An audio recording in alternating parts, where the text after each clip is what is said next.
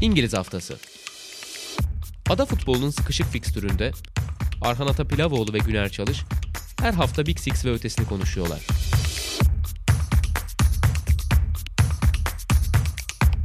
Statsbomb işbirliğiyle. Sokrates'ten, Sokrates Podcast'ten herkese merhabalar. İngiliz haftasının yeni bölümüyle karşınızdayız.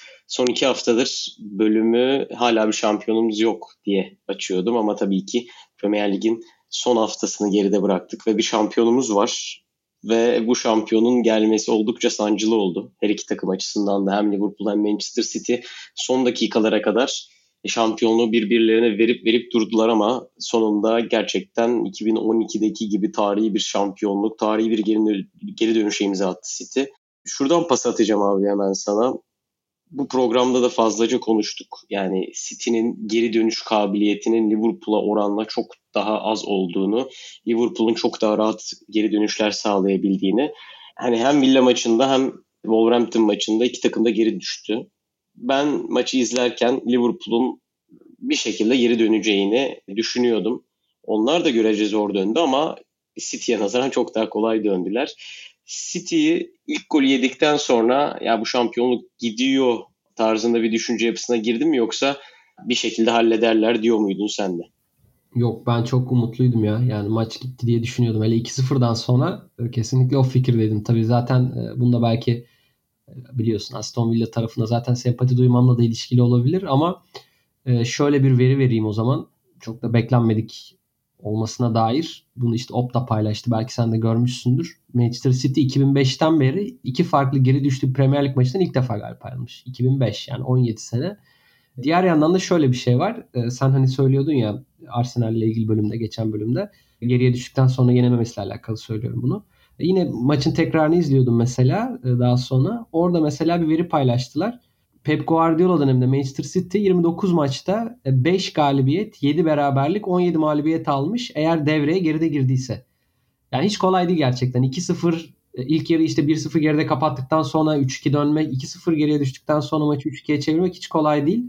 Hakikaten beklenmedik bir durumdu. Yani burada da Steven Gerrard sanıyorum yine tersten bir hikayeden yazdı diyebiliriz. Tabii ne kadar onu suçlamak doğru o ayrı bir şey ama hani işin hikaye yanına e, geldiğimizde yine bir Steven Gerrard e, şampiyonluk hikayesi de yazıldı herhalde.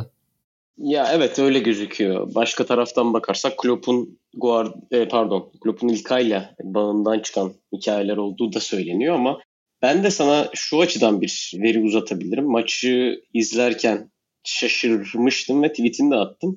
Yani geri düştüğü maçlarda bu sezon yaptığı değişikliklerin dakikalarına baktım. Crystal Palace maçında bu maçtan önce en erken yapılan değişiklik 59. dakika. Geri kalanları örneğin işte Tottenham'da 70'te yapmış, Liverpool'da 66, Arsenal 63, Southampton 80, Tottenham 68. West Ham maçında bir önceki maçta hiç değişiklik yapmadı. Bu maçta 46-56, 68 değişiklikler.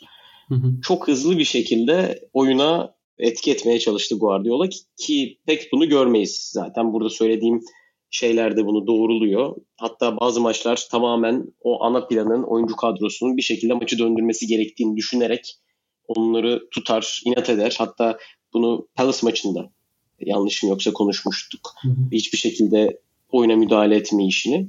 Yine benzer bir senaryo olabilir diye benim bir tedirginliğim vardı ama hemen Zinchenko'yu oyuna sürdü. Bence Zinchenko evet oyun içerisine çok fazla katkıda bulundu. Buna hiçbir itirazım yok ama City'nin hep konuşulan bir e, konu var ya bunu işte Evra Berbatov da e, geçtiğimiz haftalarda dillendirdi. Yeterli karakter yok. İşte Guardiola'ya itiraz edecek birisinin olmayışının eksikliğini çekiyor City diye. Bence Zinchenko oyuna girer girmez çok büyük bir karakter koydu. İlk yarıda da olabildiğince taraftarı ateşlemeye, oyuncuları ateşlemeye çalışıyordu ken- kenardan. Sanki Guardiola gibiydi ve oyuna girer girmez net bir karakter koyduğunu gördük. O 45-55 arasında City'nin bu kadar yükseğe çıkabilmesinin sebebi evet bence taktiksel anlamda da çok büyük bir dokunuştu ama o karakter City'ye bir şeyleri aşıladı diye düşünüyorum ben ve geri kalan diğer değişikliklerin de tamamen golcü oyuncular üzerinden işte ilk ayın ceza sahası içerisi koşulları Sterling'in takımının golcü oyuncularından biri olması Guardiola'yı biraz kendi planından dışarı itti. Hani biraz daha esnek bir yapıda oyuna müdahale etti ama şuradan pası vereceğim. Bana sorarsan da hani ilk 15 dakikaları çok iyi oynayan City biraz daha pasif, biraz daha kontrollü bir ilk 15 dakika, ilk 20 dakika oynadı. Bu şu açıdan bence bir sorun.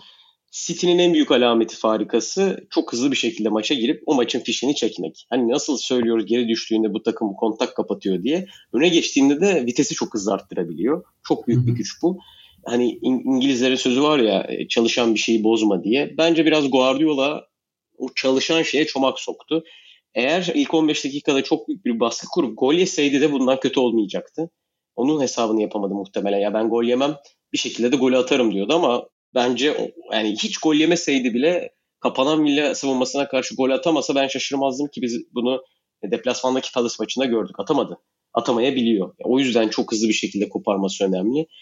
Onu nasıl değerlendiriyorsun? City'nin biraz daha kendi ana planından çıkmasına ya aslında Guardiola bence iki kere kendi fikrinin dışına çıktı. Bir tanesinde başarısız oldu. İlk kere öyle geçti. Bir tanesinde başarılı oldu ve oyuncu değişiklikleriyle maçı aldı. Ee, şöyle söyleyeyim aslında oyuncu değişikliklerinden bahsederken iyi bir kapı açsın düşündüm az önce. Yani o değişiklikler üzerinden de maçın teknik analizini yapabiliriz gibi geliyor sanki. İşte mesela 46'daki değişiklikle başlayalım. İkinci yarıya direkt başlarken Zinchenko'nun girmesi olarak mesela sen ifade ettin. Doğru ki Zinchenko hakikaten öyle çok etki etti. Ona kesinlikle katılıyorum. E, ama diğer yandan bence mesela Fernandinho'nun çıkması olarak da bakabiliriz. Ben e, özellikle ilk yarıdaki mesela performansını oldukça e, City açısından kaygı verici olmuştu Fernandinho'nun. Hatta senle de konuştuk biliyorsun maçtan önce bir yazıştık çok kısa. Ya ben mesela herhalde sağ bek oynayacak falan dedim. Sen de abi yok hani genelde Stones hani bu sene sağ bek çıkıyor demiştin. Yani stoper oynaması bence çok iyi bir sonuç vermedi. Çünkü işte hani West Ham maçında konuşmuştuk ya e, savunma yapmaları gerektiği durumlarda, geriye koşmaları gerektiği durumlarda sorun yaşıyor City diye. E, özellikle bence birebir kaldığı durumlarda Oliver Watkins'le büyük problemler yaşayabileceğini sinyalini vermişti mesela Fernandinho. Ben de hani atıyorum bu konuda devam etse e, biraz fazla şansını zorlayacağını düşünüyordum Guardiola'nın. Hani o anlamda mesela bir değişiklik yapmış oldu. Ama niye böyle başladı dersen hani dedin ya ana planından vazgeçiyor diye. Bence de işte orada biraz sanki bir önceki maçta West Ham maçında özel West Ham maçından bahsediyorum. Orada özellikle Zinchenko'nun bence savunmada verdiği hatalardan dolayı böyle bir şey yapmış olabilir gibi geliyor bana. Hani Stone sağ bek başladı diyoruz tabii bir yandan ama sonuçta hücumlarda da orada sağ kenarda yer almadı. Zaten biliyorsunuz City'nin özellikle işte hücuma çıkarken ki oyuncuların yerleşimi bir yandan çok esnek bir yandan da çok sabit aslında. Bunu derken şunu kastediyorum. Hani biliyorsun hep aslında önde beşli bir hat yer alıyor. İki oyuncu çizgiye basıyor. İşte bir oyuncu daha merkezde, iki oyuncu da o e, işte half space denen alanda yer alıyor. Arkada da bir 2 artı 3 ya da 3 artı 2 gibi bir hat oluşuyor. E Stones evet sağ bek gibi başladı. Oyun kurulurken de sağ bek pozisyonda yer alıyordu ama City karşı yarı alana geçtiği anda da bir orta sahanın 3. elemanı gibi yer aldı aslında baktığında veya işte savunmanın 3. elemanı sağ stoper gibi yer aldı. Yani 3-2 veya 2-3 nasıl değerlendirirsen. Ama işte bu sen dediğin üzere biraz e, aslında City'nin kendi oyun felsefesinden vazgeçmesi anlamına da geliyordu belki de ve tutuk göründüler aslında. Yani ofansif anlamda tutuk göründüler ve bununla beraber savunmada da aslında çok iyi gözükmediler. Dediğim gibi özellikle Fernandinho'nun orada yer almasıyla beraber. Ama hani golü de yemesinin etkisiyle tabii bu hatasından diyeyim ya da bu ilk fikrinden çok çabuk biçimde geri döndü Guardiola ve ikinci yarıya başlarken ben şunu fark ettim. İşte maçı dediğim gibi özellikle tekrar izledim. Biraz daha böyle hani içi dolu bir şeyler sunabilmek için. Çünkü maçı biliyorsun yani farklı bir heyecanla izliyorsun. Her ne kadar hani buraya burada yorum da yapsak aslında o kadar bazen teknik bakamıyorsun belki en azından ben kendi adıma onu söyleyebilirim. İkinci yarıda benim fark ettiğim şu oldu. Hani ilk yarıda City'nin kenar oyuncuları biraz daha içe kat eden oyuncular. Yani bunu o hücuma çıkarken en önde beşli bir hat oluşuyor diyorum ya. E, sol taraftaki oyuncu mesela o hattın en sonundaki oyuncu Cancelo da ters ayaklıydı. Sağ taraftaki Mahrez de mesela ters ayaklıydı ilk yarıda. Ama ikinci yarıya başlarken şunu gördük. Cancelo sağa geçti. Zinchenko sola geçti ve ikisi de kendi e, ayaklarıyla oynayan oyuncular. Yani biri solak, biri sağlak ve yani biri solda, biri sağda oynuyor. Ve e, City'nin çok daha aslında standart, daha normal bir oyun yapısına geçtiğini gördük ve çok daha fazla kenar ortalarına yoğunlaştı. Çok daha fazla biçimde o kenar ortaları ve işte içeriye atılan paslar üzerinden bir şeyler üretmeye başladığını gördük ve çok hızlı biçimde aslında karşı kaleye gittiler. Hani ilk yarıdaki oyunca ben, oyunda bence biraz da acelecilik eksikliği vardı. Ama özellikle o ikinci yarının başında bu aceleciliği arttırdıklarını ve oyunun hızını arttırdıkları için de o e, Aston Villa'nın yakın savunmasını, derin savunmasını hataya zorlamaya e, başlayabildiklerini gördük. Ama yine de işte tabii o golü bulamadılar ve oyun 2-0'a geldi. İstersen biraz oradan devam edelim. Sözü sana oradan vereyim. Yani mesela İlkay'ın oyuna girişi bu kadar etkili oldu mu sence ya da şöyle sorayım ya da yani City'de ikinci yarıda gerçekten farklı olan senin dikkatini çeken teknik bir detay var mıydı? Bu psikolojik e, faktörü bir yana bırakırsak. Çünkü Aston Villa çok uzun bir süre aslında hiç fena dayanmadı ama bir anda bir yaklaşık 15 dakikalık bir süreç içinde de maç koptu gitti. Sence bunun sebebi neydi sana? İstersen buradan vereyim sözü. Yani doğrusunu söylemek gerekirse ben şöyle düşünüyorum. İkinci yarıya başlarken çok tempolu başladı City. Bu da muhtemelen soyunma odasında konuşulmuş bir şeydi. Yani biz ikinci yarıya sert bir şekilde başlayalım. Bulacağımız bir golle biz bu maçı çevirebiliriz düşüncesi hakimdi. Ama gol gelmedikten sonra yeniden bir kontak kapattılar 60 civarında. İlkay'ın işte 60-70 arasında girdiğini hesap edersek orada aynı, da bir kontak Aynı kapatıldı. düşünüyorum ben de. Aynı düşünüyorum. Aynen öyle bence de. Bu nedenle hani iyi bir ikinci yarı başlangıcı sonra düşüş muhtemelen orada Guardiola şeyi düşünmüş olabilir. Şimdi Jack Grealish'i oyuna alsa ki baktığın zaman kenarda Grealish'in daha yaratıcı olduğunu herkes biliyor ama bence İlkay'ın oyuna girmesi şöyle bir etki yaratıyor. Çok penetre eden bir oyuncu İlkay. Ceza sahasına çok fazla koşu atan bir oyuncu ve golcü bir oyuncu. Bunu biz geçen seneden biliyoruz. Bu seneden aşağı yukarı daha süre almasına rağmen biliyoruz. Sterling'in oyuna girmesinin sebebi de bu bence. Yani çok daha yetenekli olabilir bazı kanat oyuncuları Sterling'den. Ama Sterling golle buluşabilen bir oyuncu. Bu, bu kadar basit. En kötü sezonunda bile çift tane yapabiliyor.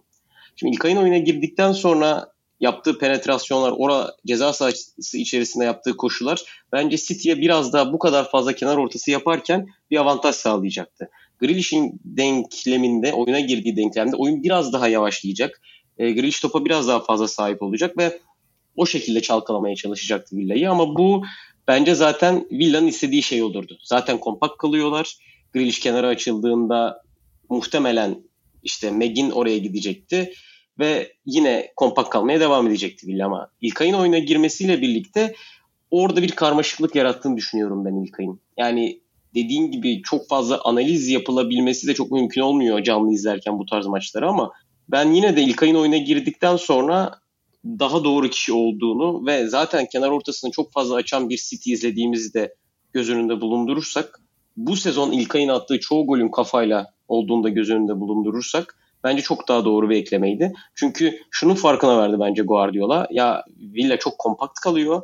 Şimdi John Stones'u ileriye taşıdığınızda iki şey var sıkıntı. Bir zaten John Stones bir bek oyuncusu değil. Bu nedenle çok iyi orta açamıyor hatta çok iyi orta açamadığı için de bence o bahsettiğin daha hızlı oyun, daha akıcı oyuna bir ket vuruyor. Bu nedenle burada Cancelo'nun oraya geçişi de çok değerli bence. Çok daha hızlı bir şekilde oyun kurmaya başladı. E, City kenarlardan daha fazla orta açmaya başladı.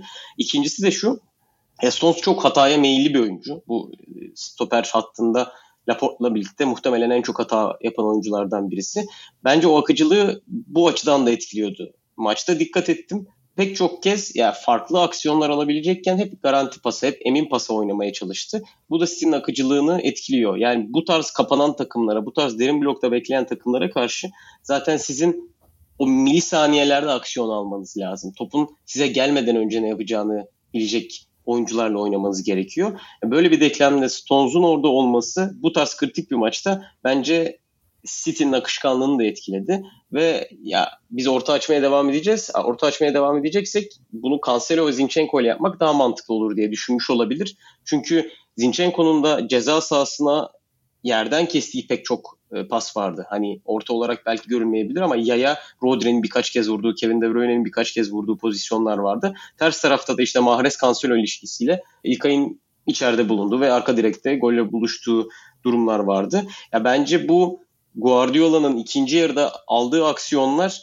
doğaçlama olabilir. Yani çok basit bir denklemle düşünmüş olabilir. Ama yine de ben bir mantık açısından düşününce neden yaptığını da kendi kafamda bu şekilde oturtabiliyorum doğrusunu söylemek gerekirse. Ben yani tekrar toparlarsam temelde aslında şöyle olduğunu düşünüyorum. Birincisi dediğim gibi biraz maça muhafazakar başlamak istedi. Başlamak zorunda kaldı. Daha sonra işte bunun olumsuz neticeleri olduğunu gördü ve çok temelde aslında bence devre arasında söylenen e, oyunculara empoze edilen mesele de şuydu. hani daha fazla oyunu genişletmemiz lazım. Çünkü çok fazla merkeze yığılmıştı Manchester City. Bunun bir sebebi de kendi oyuncu tercihleri dediğim gibi. Çünkü iki kenarda kullandığı oyuncular da içeri kat ediyordu. Yani Joao Cancelo mesela tamam topu alıyor solda ama o da içeri kat etmek zorunda. Çünkü ters ayaklı gibi.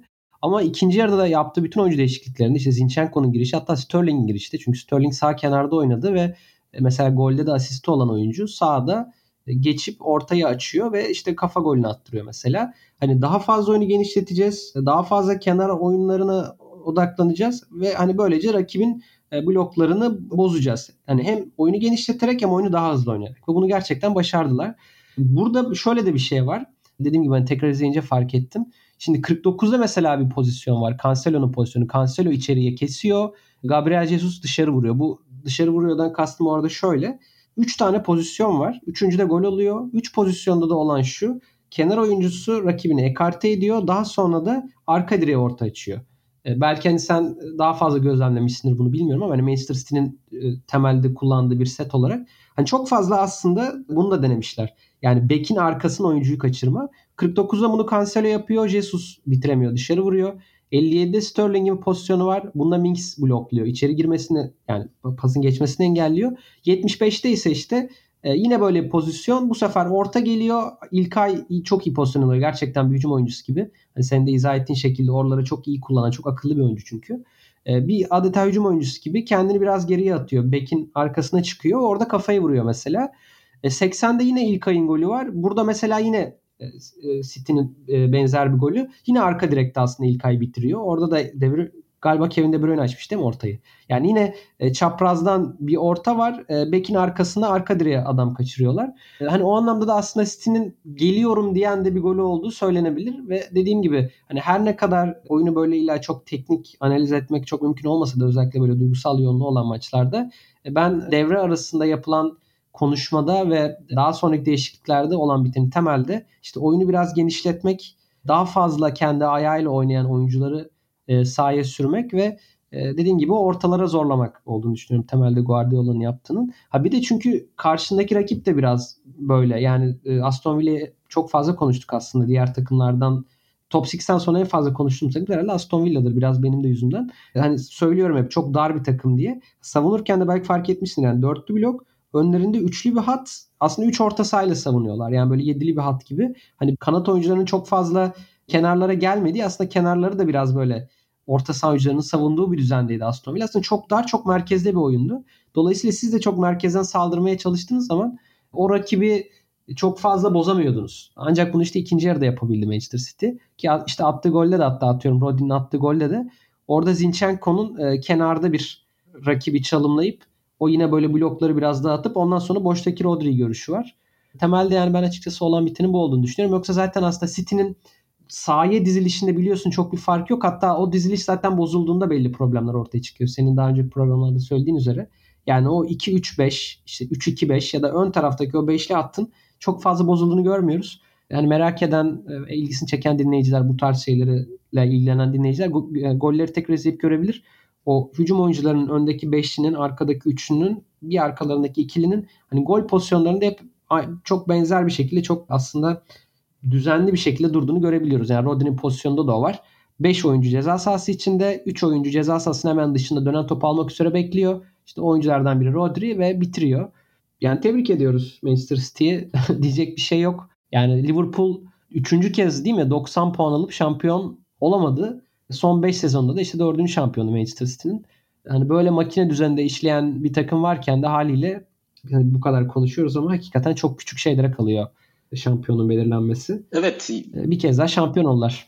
Yani burada çok kısa iki şey ekleyeceğim. Bir tanesi bu bahsettiğin hani oyuncuların durduğu yer. O benim ilgimi çok çektiği için e, söylemek istiyorum. Sahipsiz toplar ve dahil olmak üzere en çok top kazanan oyuncu Rodri'ymiş Premier Lig'de.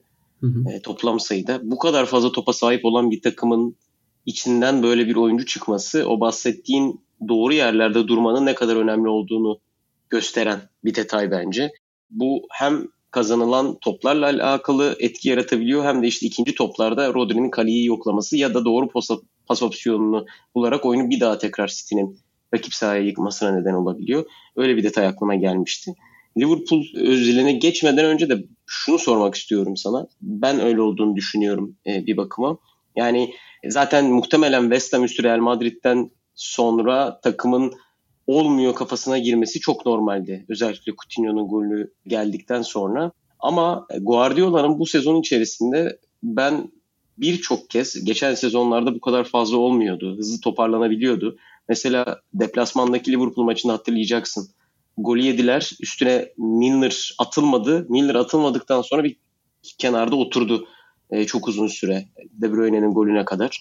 Sonrasında işte West Ham maçında Mahrez'in kaçırdığı penaltı sonrasındaki aldığı yüz ifadesi. Real Madrid maçı keza. Genel olarak hoca muhtemelen kafasında bir kapı açtı. Ya bazı şeyler olmuyor gibi. Bence bu Liverpool'u yenmek de buna dahil. Yani Liverpool'u böyle çekişmeli bir maçta mağlup ettiği an çok fazla bir reaksiyon verecek gibi gelmeye başladı artık bana. Ve bu sezon işte alınan şampiyonluk hiç ağladığını görmemiştim ben Guardiola'nın daha önce böyle. Gerçekten bir duygu boşalması yaşadı. Herhalde en çok önem atfettiği şampiyonluğudur diye tahmin ediyorum. Çünkü hiçbirisinde bu kadar zorlanarak bir şampiyonluk kazanmamıştı. O yüzden de bir duygu boşalması oldu diye düşünüyorum.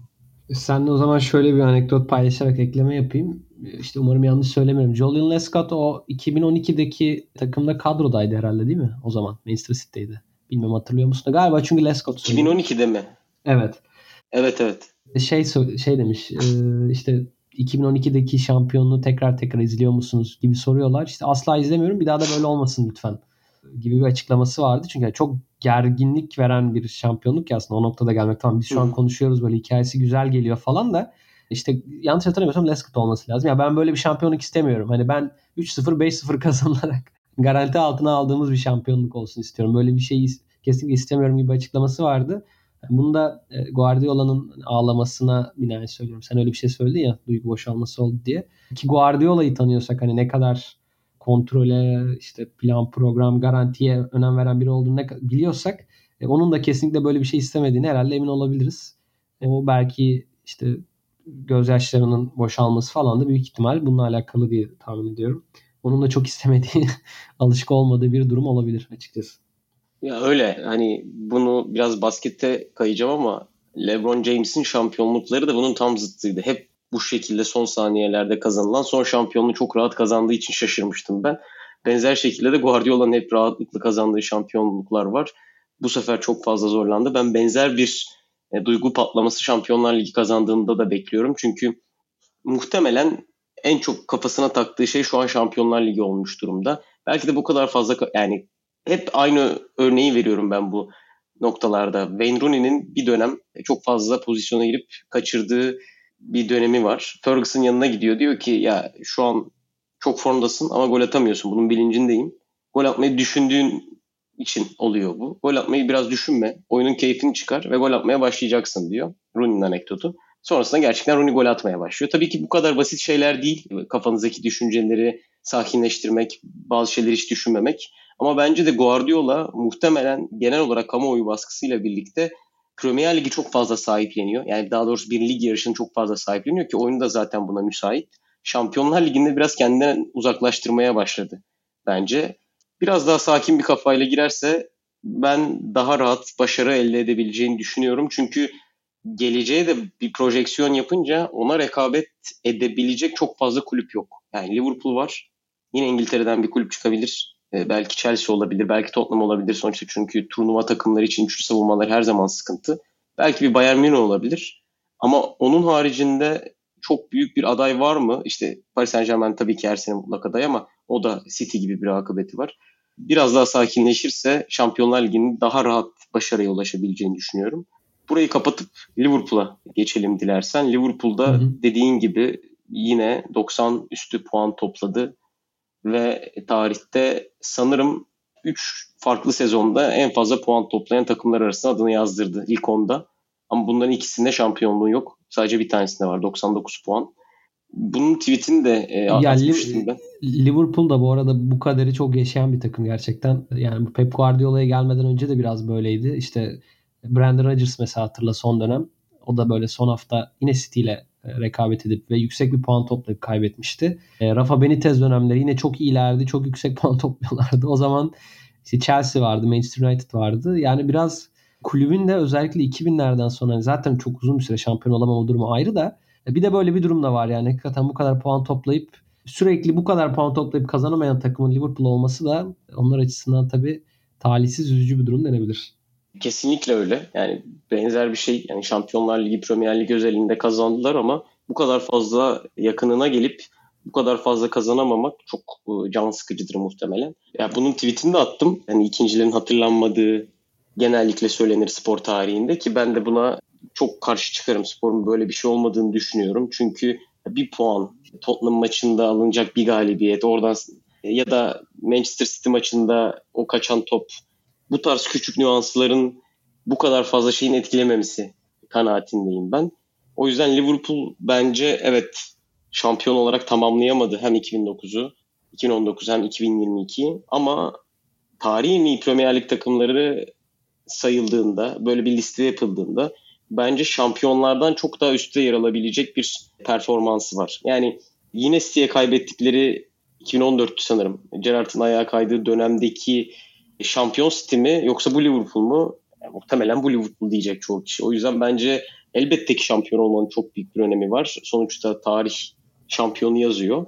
Ama onların ne kadar iyi bir takım olduğundan, ne kadar iyi bir sezon geçirdiklerinden, ne kadar şampiyonluğa yakın olduklarından da hiçbir şey götürmüyor bence bu. Yani bence sadece şampiyon oldu olamadı denklemiyle değerlendirmek hiç doğru değil. Aynısı City için de geçerli. Bu kadar fazla puan farkından verseydi de ben bu kadar iyi oynayan bir takımın işte kazanamadı bitti şeklinde değerlendirilmesinin e, çok yanlış bir bakış açısı olduğunu düşünüyorum. Bence Liverpool hatta onu da söyleyeyim Şampiyonlar Ligi'ne almasa bile belki bu sezonu City'den iyi geçirmiş diyebilirim ben. Bilmem katılır mısın ama. Yok katılıyorum ben de. Hani önceki programda da söylemiştik, konuşmuştuk konu. Katılıyorum. Yani da, bence yaptıkları daha büyük bir iş. Bir önceki dediğine de tabii ben de katılıyorum zaten. Yani bilirsin belki ben Wenger'i bayağı severim. Onun da bir ekipte röportajı vardı. Çok uzunca bir röportaj. Mesela o röportajı bir noktasında söyler. İşte biz hep birincileri konuşuyoruz. İşte bunu anlamak çok güç geliyor bana ama işte 100 metre yarışı yapılır. İşte bir adam 9 saniyede koşar, biri 9.1 saniyede koşar. Ama biz işte hepimiz 9 saniyede kazananı konuşuruz. Arada bu kadar küçük bir fark varken diğer adamın hikayenin hiçbir tarafında olmaması bana çok tuhaf geliyor gibi bir anlatısı vardı, bir cevabı vardı. Tabii şimdi saniyeleri vesaire salladım da o da mesela tabii hem benim ilgimi çeken hem de aslında biraz bizim elimizde olduğunu düşündüğüm bir konu. Yani sonuçta bu hikayeleri anlatan da işte atıyorum bugün burada yorum yapan bizleriz ve o takımlara ne kadar vakit ayırmak veya işte ayırmamak da biraz bizim elimizde. Hatta bizim elimizde olmayan şeyler de olabilir. Yani sonuçta bunları hikayeleştiren insanlar da biraz tabii ekonomik gerekçelerle biraz başka şeylerle açıkçası hangisi ne kadar okunuyorsa belki de hani ona göre bu anlatıyı yapıyorlar ama hani neticede dediğim gibi bunun belki biraz daha dengeye getirilmesi, biraz daha farklı bir şekilde anlatılması da gerekiyor. Hani bunu belki sen atıyorum 1960 yılında yazılmış bir işte köşe yazısında da belki aynı eleştiri göreceksin. O, o yıldan belki bir köşe yazarı diyecek ki işte neden hep büyük takımları konuşuyorsunuz? Yani bu e, bir yandan da bence çok eskiden beri olan bir problem. İşte 1920'deki atıyorum İspanyol gazetesini açtığında da belki Real Madrid'in flash transferini göreceksin 10 gün boyunca. Yani dolayısıyla bu hem biraz eski bir problem e, hem de bir yandan herhangi bir biçimde bizim elimizde olan e, bir problem diye düşünüyorum. Bir de hani Wenger tabii şöyle de bir şey söylüyor aynı yazıda. Yani siz atıyorum o birinci olan adamı konuşuyorsunuz yıllar boyu. Ondan sonra o birinci olan adamın doping yaptığı ortaya çıkıyor. Ama ikinci olan adam işte seneler boyunca birinci olamadığı için acı çekmişti ve hikayesi anlatılmamıştı. Ya ne olacaktı falan diye söyler. Tabii çok futbolda karşılaştığımız bir durum değil ama işte atletizmde, bisiklette vesaire diğer sporlarda da aslında hiç az gördüğümüz bir durum değil. Hani böyle bakarak bile belki sadece birinciye o kadar vakit ayırmamak da tabii çok mantıklı olabilir. Benim zaten yani tahmin ediyorsunuz aslında sevdiğim bir şey yani çok hatta Big Six'ten ziyade diğer takımları konuşmak ama biraz da işte programın akışı başka şeyler falan denk gelebiliyor. O açıdan tabii ki sana katılıyorum. Daha fazla konuşmamız, daha fazla süreçleri konuşmamız lazım. Ama tabii diğer yandan o coşkudan da bahsetmemiz lazım. Yani her şey sadece süreç değil yani. Şampiyon olan takımın yaşadığı coşku, o insan hikayeleri falan tabii ki bunlar çok güzel ama bir dengeyi de bulmak gerekiyor. Sonuçta Liverpool'un ne kadar iyi, önemli bir iş başardığından da söz etmek gerekiyor. Bir de biraz belki ortadan olacak, alakası olacak ama şunu söylemek de istiyorum. Hani City'nin bu kadar fazla şampiyonluk kazanması ama Şampiyonlar Ligi'ni kazanamaması da bence biraz şu durumla da alakalı. Yani şöyle bir tabir var ben bunu çok beğendim onu anlatmak istiyorum aslında. Galiba Rory Smith'in bir ifadesiydi. Okuduğum bir yazıda geçiyordu. City mükemmel süreçleri planlayan bir takım. İşte Real Madrid atıyorum mükemmel anları planlayan bir takım. E, mükemmel süreçleri planladığınız zaman lig şampiyonu olmanız çok daha kolay gibi ya da lig şampiyonu olmaya daha odaklı bir takım oluyorsunuz. Çünkü lig 38 maçın oynandığı, işte birkaç hatanın yapılabildiği ama 36 maçtaki performansın daha değerli olduğu bir alanken işte Şampiyonlar Ligi gibi, kupa gibi alanlarda o biliyorsun tek maç üzerinden aslında her şey olabiliyor. Mükemmel anlar daha önemli neticede. Tersten bakalım hatta. Biliyorsun Ancelotti her ne kadar 5 büyük ligde şampiyonluk kazanmış bir antrenör de olsa şu anda aslında lig konusunda oldukça kötü bir antrenördür. Ki ben kendisini çok severim hakikaten. Yani bilirsin hatta Milan'da falan o takımla çok daha fazla şampiyonluk kazanması gerekirken çok az sayıda kalmış bir antrenördür. E çünkü Ancelotti de aslında tarzı gereği mükemmel süreçler yaratmaz. Hatta biraz böyle bölük pörçük, biraz daha normal, biraz daha hani tırnak içinde insani diyeyim. Hani iniş çıkışları olan ama o anları çok iyi oynayabilen takımlar yaratır. Ama tabii o takımlarda çoğu zaman e, şampiyonluk için yeterli olamayabiliyor. Çünkü şampiyonluk daha ziyade bir maraton, daha daha kusursuz olmanız gereken bir alan. Bunu belki sınav gibi de düşünebilirsin. Yani bazen hani o sınavda çok bir yıl boyunca beklediğin sınavda heyecanlanabilirsin ve çok istemediğin bir sonuç alabilirsin ya. Ama oraya kadar yaptığın çalışmaları bir yere götürmez aslında. O çalışmaların sonucu belki ligde kazandığın işte şampiyonluk. Ama orada yaptığın bir heyecan belki seni o Şampiyonlar Ligi şampiyonluğundan alıkoyabiliyor.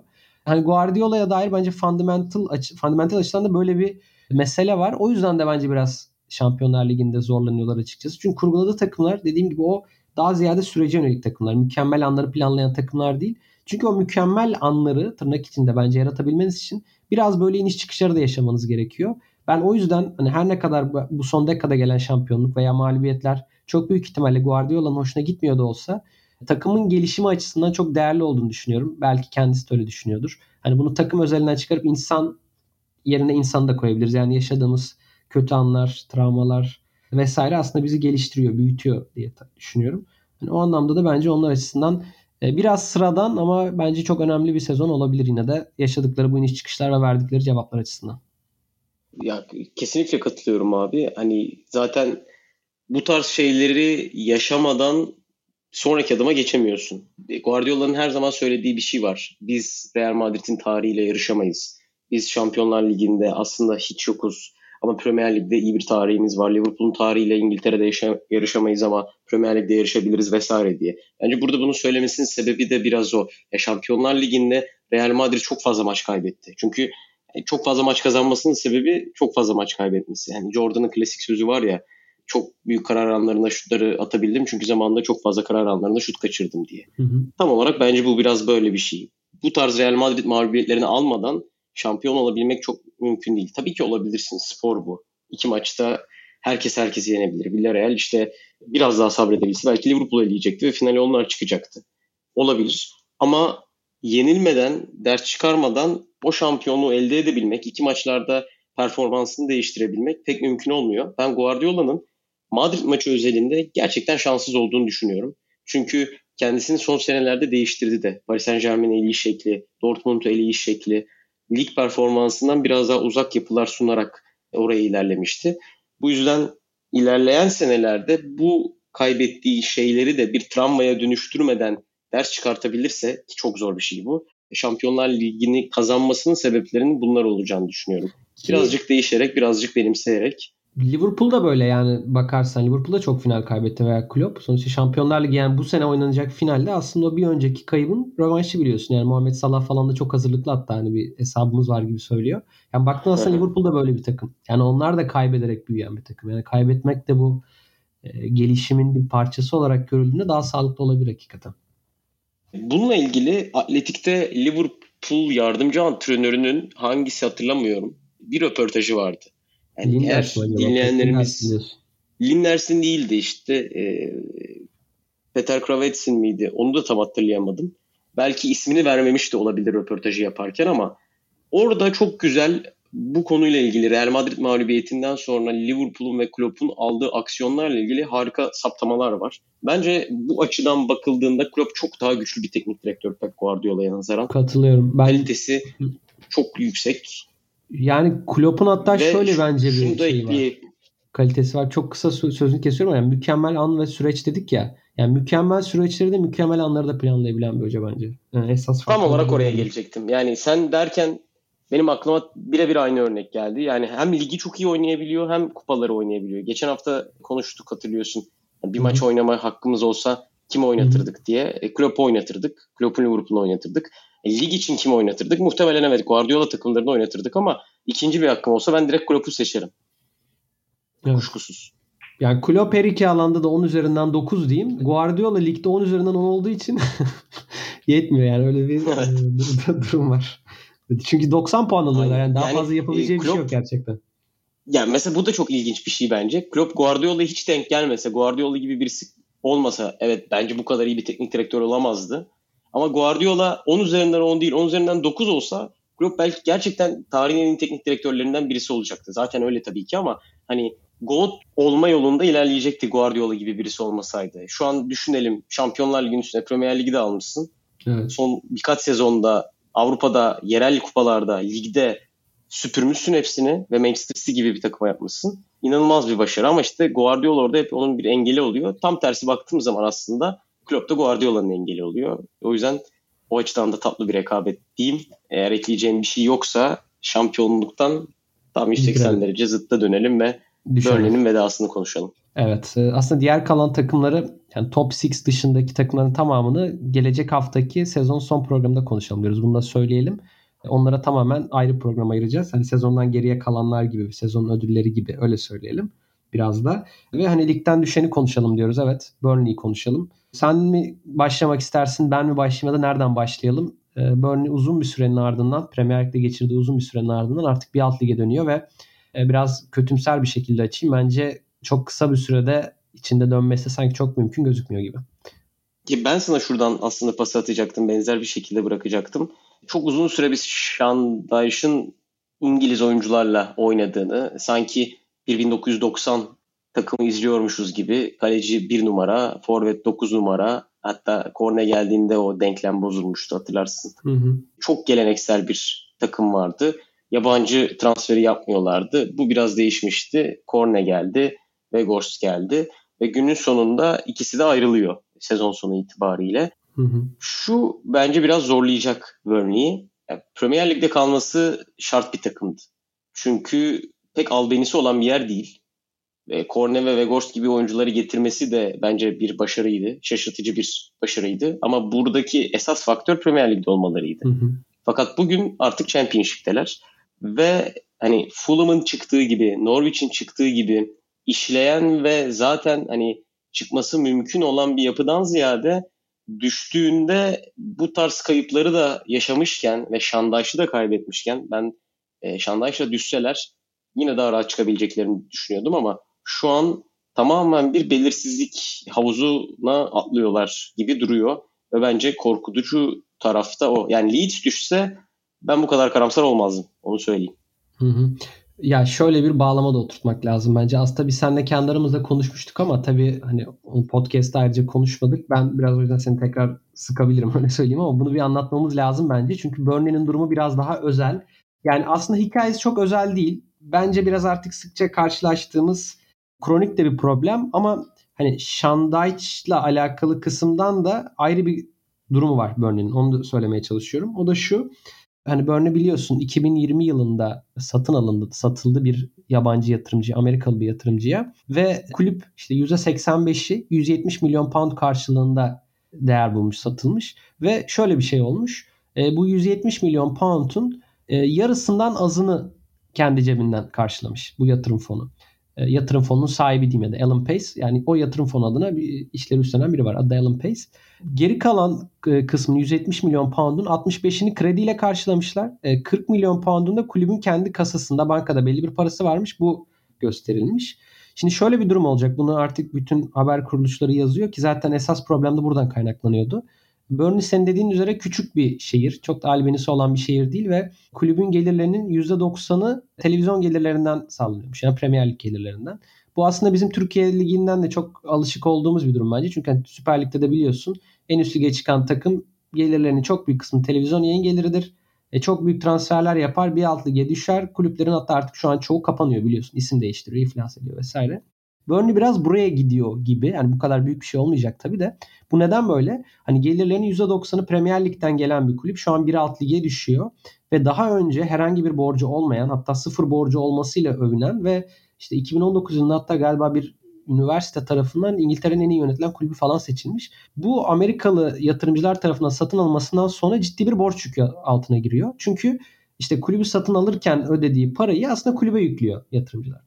Şimdi şöyle de bir anlaşma yapmışlar krediyi çektikleri yerde. Eğer kulüp bir alt lige düşerse bu 65 milyon pound'un çok büyük kısmı hemen o sene ödenmesi gerekiyormuş.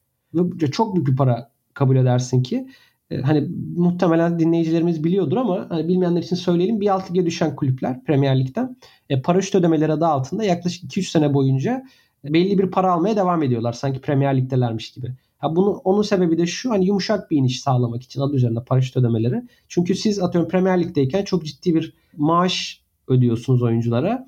Ama bir anda bu oyuncuların hepsini tabii kulübün kulüpten çıkarabilmeniz mümkün olmuyor. E, ekonomik olarak zorlanmamanız için e, sanki Premier Lig'deymişçesine bir yayın geliri alıyorsunuz belli bir süre. Ama bu yayın gelirinin de çok büyük kısmı büyük ihtimalle işte kulübün borçlarına falan gidecek şu anda. E bunun yanında kulüpten çok fazla oyuncu ayrılacak. İşte Tarkovski gidecek, işte Korne, Weghorst sen söyledin.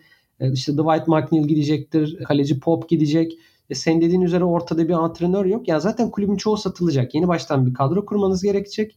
Ve bunu yaparken de hemen hemen yine herhangi bir geliriniz olmayacak yani şampiyonşip yer alırken ve bu borç aynı zamanda tabii belli bir faizle artacak. Yani siz eğer atıyorum Premier Lig'e bir sene iki sene içinde çıkamazsanız gelirleriniz daha da azalacağı için paraşüt ödemeleri de azalacak haliyle ve bunun faize katlanacağı için aslında her sene biraz daha da borç ödeyen ve bu borcun altında daha fazla izlenen bir kulüp olabilir Burnley. Böyle bir riskin altındalar. Bunu da söylemek gerekiyor. E, bu tabii leveraged buyout denen bir satın alma yöntemiymiş. Bu daha önce Manchester United'da uygulandı ve Manchester United'ın hani Glazer'lara bu kadar tepki gösterilmesinin en önemli sebeplerinden biri bu. Çünkü işte hatırlarsın sana o zaman da anlatmıştım. Hani Cristiano Ronaldo'yu satıp karşılığında Valencia'yı falan alabilen bir kulüptü United. Ama işte başlarına Sir Alex Ferguson veya işte burada Şandayç'ı koyabilirsin. Böyle çok büyük ve işte her işin altından kalkabilen bir figür olduğu zaman bir şekilde kulüp dönebiliyordu. Ama Burnley şimdi buradan hani şampiyonşipte böyle bir konumdayken nasıl bu işleri döndürecek? Yani bilmiyorum. Yani işte Sunderland örneğini vermiştim o, dönem. İşte Portsmouth vardı mesela eskilerden. Böyle bir anda tepe taklak gidip 3-4 birden falan düşen kulüpler oluyor. Hani o kadar düşerler mi bilmiyorum ama e, yani kulübün hakikaten bu satın almayla beraber içi boşaltılmış durumda.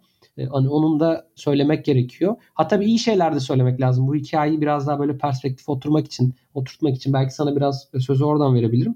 Hani bu Alan Pace'in gelir gelmez yaptığı işlerden biri de aslında kulübe yeni bir e, vizyon ortaya koymakta. O da neydi işte senin dediğin şekilde çok eski bir kulüp hüviyetinde ya Burnley. İşte biz kulübü yeni hale getireceğiz. Artık analitik departmanımızı geliştireceğiz. Yurt dışından oyuncu alacağız. Oyun stilini geliştireceğiz falan. İşte bu Cornet transferleri, Vegors transferleri falan da biraz e, bununla alakalıydı. Ve kulübü bu yönde yapılandırabileceklerini, bu yönde geliştireceklerini düşünüyorlar. İşte sen de geçen bana attı mesela Vincent Company falan getirmeyi düşünüyorlarmış. Ama mesela şampiyonshipte olan ve bu biçimde ekonomik bir gerçeklik içinde olan bir kulübe mesela artık Company gelir mi sence?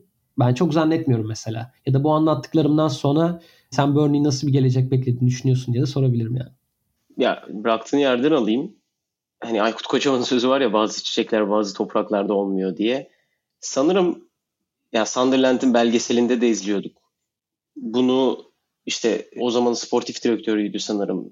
Stadyumdaki girişimciliğine kadar her şeyi değiştirmeye çalışıyordu. Bir örnek daha vereceğim. Fenerbahçe'ye sportif direktör olarak geldi Komoli ve ayrıldıktan sonra şunu söyledi. Ya evet benim de hatam şu oldu. Eğer sportif direktör yabancıysa teknik direktör yerli olabilirmiş. İletişimi kurmak açısından iki yabancı fazla olabiliyormuş, farklı olabiliyormuş diye. Bence bu tarz farklı değişimleri bu kadar köklü kulüplerde, köklü kulüpten kastım çok tarihi açıdan demiyorum. Ama aynı şekilde yönetilen, çok uzun süre aynı şekilde, aynı biçimde, aynı insanlar tarafından yönetilen kulüplerde, organizasyonlarda, geleneksel camialarda hızlı bir değişim çok rahat bir şekilde kulübün adapte olabileceği noktalarda olmuyor bence. Zaten böyle şehir olarak da hani bahsettik bu adaptasyonu sağlayabilir miydi emin değilim. Ya illa geri kafalı olmasına gerek yok. Ama e, Şandayş'ın bir röportajı vardı bu konuyla ilgili. Yani illa herkes topa sahip olacak diye bir şey yok. Uzun topla da oynayabilirsiniz. Bu şekilde de başarı alabilirsiniz ki Şandayş Burnley kadrosuyla 7. olmuştu sanırım. İnanılmaz bir başarıydı. Evet. elbette ki farklı şeyler denemek, farklı jenerasyonlar yaratmak, iyi bir düşünce, Korne'yi getirmek ve Ghost'u getirmek bence ikisi de çok iyi transferler. Asla bundan düştü demiyorum. Tabii ki de alakası bile yok. Tam Ama tersi. Hakikaten dediğin gibi tersine çok iyi transferler olmasına rağmen düştü. O da kadronun evet. ne kadar yetersiz olduğunu da gösteriyor bir nokta. Gösteren bir şey. Ama bir değişim olacaksa bence bu biraz aheste şekilde olmalı. Ya ben bu açıdan mesela Newcastle'ı biraz e, doğru bir örnek bulurum. Ya ben Eddie Howe geldiği günden beri yanlış bir tercih olmadığını düşünüyordum. Çünkü çok flash bir hocayla başlanması kolay bir şey değil bu. Manchester City de bunu yaptı. Mark Hughes'la başladı. Sonrasında Pellegrini Mancini geldi. O yüzden bu geçiş sürecinde bence evet yani çok keskin bir şekilde yapılmaması gerektiğini düşünüyorum. Burada öyle bir örnek yok ama kurucu hoca gibi aheste aheste belki kurucu bir beyin, belki kurucu bir futbol aklıyla bazı şeylerin yapılması kulüp bu tarz köklü geleneklere sahip organizasyonlar için, onların akıbeti için e, sanki daha iyi oluyor. Bunu Türkiye için de söyleyebiliriz. Yani her zaman görüyoruz işte altyapıyı değiştireceğiz, planlarımız bu şekilde sportif direktörü getireceğiz vesaire vesaire vesaire. Ama o işlerin o kadar kolay bir şekilde bu tarz yerlerde olmadığını biliyoruz. O yüzden buraya da uygun bir isim getirip daha sonrasında kendi vizyonunuzu yakalayabilmek bence daha sağlıklı olabiliyor diye düşünüyorum. Ya sana belki ne şöyle bir örnek vereyim. Bu kulübü evet çok anlıyoruz programda ama Aston Villa'nın küme düştüğü, Premier Lig tarihinde ilk defa küme düştüğü sezon aldığı oyunculardan biri Adama Traore mesela. Yani bir diğeri Jordan Veretout. Bir diğeri Jordan Amavi falan. Yani bu hocanın hiçbir kötü oyuncular değil mesela. Yani Traore şu an Barcelona oynuyor. Veretout Roma'da. Ama o dönem işte kulüp zaten bir önceki sezonu yanlış hatırlamıyorsam 17. bitiren bir takımdı ve bu oyuncuların hepsi o zaman yani düşün yani 6 sene öncesini düşün. Yani herhangi bir tecrübesi olmayan diyeyim yani henüz kariyerin başlarında olan oyuncular. Ve hani Aston Villa tam da hiç olmayacak bir noktada şu an Burnley'nin yaptığı gibi senelerdir aslında bir e, yapısal problemler olan işte sportif direktörü olmayan, e, hocadan hocaya sürekli felsefesi değişen ve bir yani yönlendirmeye ihtiyaç duyan ama küme düşmek de üzere olan bir takımdı. Burnley'e çok benzer biçimde belki de. Tam da o sezon sanki çok gerekliymiş gibi böyle bir yola girmişlerdi. Yani işte genç oyuncuları alacağız. Artık daha modernleşiyoruz falan. Tamam bu iyi bir fikir ama hemen olacak bir şey değil. Veya ger- kendi gerçekliğinin farkında değilsin belli ki. Sen küme düşüyorsun. Yani önce bir oradan kendini kurtarman lazım. Yani yine senle konuştuk. Belki podcast'e yayınlayamadık ama ben Crystal Palace'ı tam tersi yönde çok iyi bir örnek olarak sunmuştum mesela Burnley'e. Onların sahibi de yani sahibi demeyeyim ama yatırımcıları da mesela Amerikalı. Ama kulüp bir yandan kendi yerel kaynaklarıyla da beslenen bir kulüp. İşte bir dönem Tony Pulis ile Allardyce'la e, gidip e, daha sonra artık evet bizim modern bir kulüp olmamız gerekiyor deyip işte Frank de Boer'u getiren daha sonra 4 maçta 0 çekince bir anda yön değiştirip tekrar Roy Hodgson'a dönen, işte senelerce Roy Hodgson'a devam eden. Şimdi tekrar Patrick Vieira ile biraz modernleşmeye tırnak içinde çalışan ama bir yandan da işte sürekli altyapısını geliştiren, e, kendi kaynaklarıyla büyüyen, çok fazla para harcamayan aslında çok çok iyi bir örnek bence Palace. Hani Burnley biraz böyle olabilirdi ama bence işte Alan Pace'in yanlışı burada. İyi niyeti olabilir belki ama bu benim hiç e, sevmediğim bir davranış tipi öyle söyleyeyim. Yani dışarıdan geliyorsunuz ve içerideki yapıyı önemsiyor gibi davranıp aslında çok da önemsemeden bir an önce kendi fikirlerinizi uygulamaya çalışıyorsunuz. Yani dışarıdan gelen fikirler evet dönüştürücü, değiştirici, sektörü önemli ölçüde değiştirici olabilir. Ama sektörde belki bu kadar yatsımamak veya dışarıdan fikirlerinizi getirirken aslında sektörün içindekilere bence önce danışmak gerekiyor. Buradaki insanların bence yaptığı sektörün içindeki insanlara kendi fikirlerini dikte etmeye çalışmak biraz da. İşte bugün yayına çıkmadan önce biraz Şandayç'ta acaba ne olmuş falan gibi e, yazıları okumaya çalıştım. Yani içeriden bilgiler veren muhabir yazıları olur ya. Yani orada da şunu söylüyorlar. Yani Şanday sezon başında hatta sezon ortası sanıyorum sonbahar ayında yeni bir sözleşme imzalıyor 4, 4 yıllık ama yani bu sözleşme imzalanırken aslında iki tarafta işlerin o kadar da iyi gitmediğini biliyor. Ya bu da şu yüzden yani belki Burnley satın alınmasa da bu arada küme düşecekti. Seninle yine o gün de konuşmuştuk. Çünkü çok uzun süredir yatırım yapılmıyor kulübe. Kadro hakikaten kötü. Ama kulüp bu durumdayken ve Şandayç daha kulüp satılmadan bile transfer istiyorken Bence Şandayç'ı destekleyici transferler yapıp bu analitik departmanına dönüş, işte daha modern bir takıma dönüş sürecinde birkaç sezona yayabilirlerdi açıkçası. E, ama işte bunu yapmak yerine yine Daiç'i desteklemeyerek veya işte destekliyorsa bile işte sadece Corney'i ve Gorst'u alarak desteklemeye çalışarak e, bence başarısız bir işin altına da imza attılar. Yani onu da söylemek lazım. Çünkü kendi gerçekliklerinin şöyle farkında değiller. Az önce biraz açıkladım. Yani kulübün küme düşmesi kulübün geleceği açısından hakikaten çok büyük bir problem. Ee, sen dediğin gibi yani Leeds'in düşmesiyle birebir aynı şey değil veya Bournemouth'un düşmesiyle birebir aynı şey değil. Yani bu kulübün önce Premier Lig'de kalması gerekiyordu. Herhangi böyle bir dönüşüm gerçekleştirmeden önce. Bir anda çok fazla bence adım atmaya çalıştılar ve bu da çok büyük problem yarattı. Yani bilmiyorum. Gelecek sezonlarda ben dediğim gibi yani bu hikayeleri de biraz takip ettiğim için işte Sunderland'ı, Aston Villa'sı vesaire daha önceki yılları takip ettiğim için ben çok parlak görmüyorum geleceklerini ama hani şöyle bir şey de söyleyebiliriz en azından. Hani Burnley işte gelecek sezonlarda bizim şu anki bildiğimiz Burnley gibi değil de hani Premier Lig'deki biraz Bournemouth gibi falan olmaya çalışacak. Yani biraz daha topa sahip olmaya çalışan, biraz daha estetik bir oyun oynamaya çalışan falan. Ama bunu ne kadar hakikaten başarabilecekler e, göreceğiz diyeyim. %100 katılıyorum. Bence de biraz o tırnak içinde modern oyuna e, evirmeye çalışacaklar Burnley'i. Öyle gözüküyor. İşte o yüzden aslında biraz bazı çiçekler, bazı topraklar örneğini vermiştim. Elbette ki bu iyi bir şey. Elbette ki e, modernleşmek doğru bir şey ama aklıma sen konuşurken e, Ferhat Akbaş'la Eczacıbaşı'nın baş antrenörlüğüyle yaptığımız bir röportajda kendisinin söylediği söz aklıma gelmişti. Gittiğim her kulüpte oranın yerel çalışanlarıyla çalışmaya devam ediyorum. Çünkü yerelliğin gücünü asla hafife almamanız gerekir demişti. Orada çalışan insanlar, o kulübü bilen insanlar, yıllarını oraya vermiş, o oyuncularla pek çok süre geçirmiş insanların size vereceği fikirleri kullanmak sizi modernlikten ya da başka bir şeyden alıkoymaz. Aksine bence sizi gideceğiniz yola daha hızlı ulaşmanıza yardımcı olabilir. O yüzden bence bu bir hataydı. Bu kadar hızlı bir değişime gitmek. Şandaş kalsaydı gitseydi ne olurdu bilmiyorum. Ama bence yine kendi kapasitelerini, kendi kafasındaki fikirleri sunmalarının şöyle de bir tezahürünü görüyoruz. Mike Jackson çok iyi bir iş yaptı. Bence daha iyisi çıkmazdı. Yeni gelen bir hoca da farklı bir şey yapamayacaktı. E son maçı kadar taşıdı. Aynen öyle. E, ama Mike Jackson'la yola devam etmelerinin nedeni de bence kendi fikirleri. Orada buraları oynamayı bilen bir teknik direktör, işte Sam Allardyce gibi onun varlığında düşmemiş bir şekilde kalmayı başarmış bir hocayı getirmemelerinin nedeni de bence biz bu düşünceye karşı çıkıyoruz. Gerekirse düşeriz ama biz öyle bir hocayla çalışmayız fikrinin tezahürüydü bence. Dediğim gibi Şandaş kalsaydı da böyle düşebilirdi. Mike Jackson'dan daha iyisi kimse yapamazdı. Sadece bu örneği vermek istiyorum. Ve bence yerelliğin gücüne Burnley'nin biraz daha fazla inanması gerekiyor. Bunu her kulüp için söylüyorum. Örneğin Manchester City Pep Guardiola geldiğinde de pek çok oyuncuyla hemen yollarını ayırabilirdi. Ama işte Klişe ile, Sanya ile, Fernandinho ile vesaire Joe Hart'la bazı oyuncuları hemen bir şey yollamadılar. Onlarla da bir şeyler kurmaya çalıştılar. Olmayınca yolladılar. Çünkü hemen bazı şeyleri değiştirmek habitatı çok sekteye uğratan, ona çok zarar veren şeyler yaratabiliyor. Bakalım akıbeti nasıl olacak Burnley'nin ama çok da kolay bir yola girmedikleri aşikar gibi. Evet. Gelecek hafta son program. Bu sezonun son programı. Hem artık geride kalanları konuşuruz. Sezonun oyuncusu, e, öne çıkanı gibi şeyleri. Bir de aslında programdan önce sorular almıştık. Yani soru sorabilirsiniz demiştik ama buradan tekrarlayalım. Çok soru da gelmedi. Bir de e, yani o programı artık atarız diye konuştuk. Evet. Onu da söyleyelim. Oradan devam edeceğiz gelecek hafta. Son programda hem böyle kafamızda konuşmak istediğimiz ama konuşamadığımız takımlara bir pencere açacağız. Hem de klasik bir panorama, en büyük hayal kırıklığı, en sevdiğimiz oyuncular vesaire vesaire şeklinde e, sezonu o şekilde tamamlayacağız. Sorularınızı bekliyoruz zaten biz yeniden bir sosyal medyada çıkış yaparız. Bizden bu haftalık bu kadar. Dinlediğiniz için çok teşekkür ederiz.